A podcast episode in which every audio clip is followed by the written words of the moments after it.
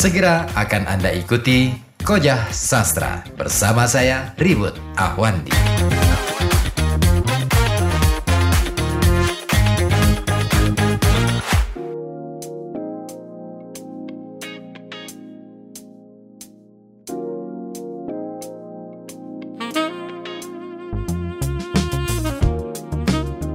Assalamualaikum warahmatullahi wabarakatuh. Apa kabar? Ya, semoga aja sehat dan berbahagia selalu bersama keluarga.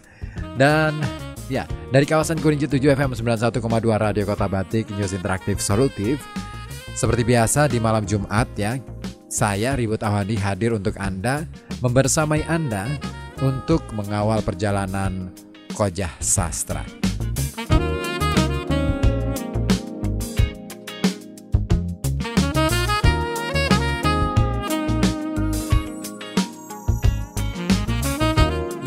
Edisi kali ini cukup menarik karena tanggal dan tahunnya sama, 21. Tapi terlepas dari semua yang muncul atau misalkan orang-orang pada meramal tentang uh, kesamaan tanggal, tahun gitu ya.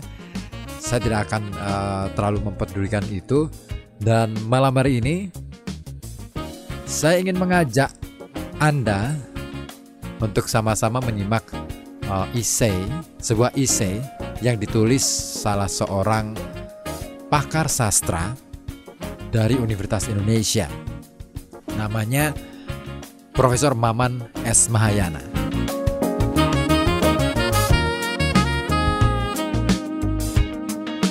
Dalam isei yang ditulisnya dan kemudian dihimpun dalam satu buku yang berjudul Pengarang Tidak Mati, Peranan dan Kiprah Pengarang Indonesia, beliau menghadirkan tema-tema atau topik-topik menarik berkenaan dengan dunia kepengarangan di Indonesia.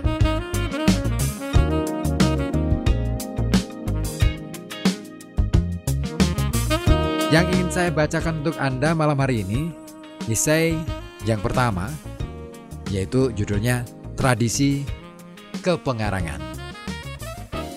Oke, saya akan bacakan untuk Anda.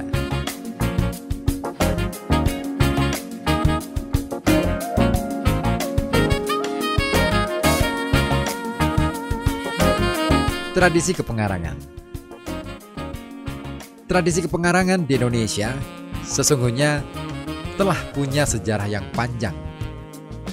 Dilihat dari perspektif kepengarangan sebagai sebuah profesi cikal bakalnya dimulai sejak zaman raja-raja. Pada mulanya, ia berkaitan erat dengan kelahiran dan perkembangan sastra keraton, sebuah kehidupan estetik yang dilahirkan dan dinikmati keluarga bangsawan yang hidup di lingkungan istana.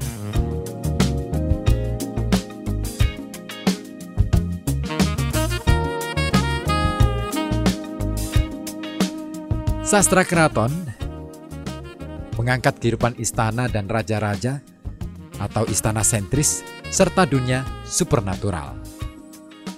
Penciptaan karya sastra dimaksudkan sebagai salah satu alat untuk melegitimasi kekuasaan raja.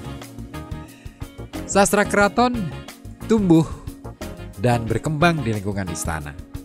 Lalu, bagaimana pula dengan tradisi kesusastraan yang lahir dan hidup semarak di luar keraton? Dalam konteks inilah, kita mesti melihatnya dari tradisi lisan atau istilah lainnya oral tradition yang penyebarannya dari mulut ke mulut. Ia mungkin saja dihadirkan untuk keperluan memuja para leluhur, sekadar ungkapan sukacita, dan dimaksudkan untuk menghibur atau sebagai peringatan atas satu peristiwa atau asal-usul kejadian. Para tukang cerita, pawang, atau orang-orang yang dituakan, seperti kepala suku atau ketua adat, menyampaikan sastra lisan lantaran ia punya peranan penting dalam masyarakat. Dan bukan semata-mata karena penguasaannya pada cerita-cerita yang sering dianggap sakral itu. Jadi, mereka itu tidak menempatkan kegiatan bercerita sebagai profesi, melainkan sebagai bentuk kepercayaan masyarakat atas status sosial yang disandangnya. Koja Sastra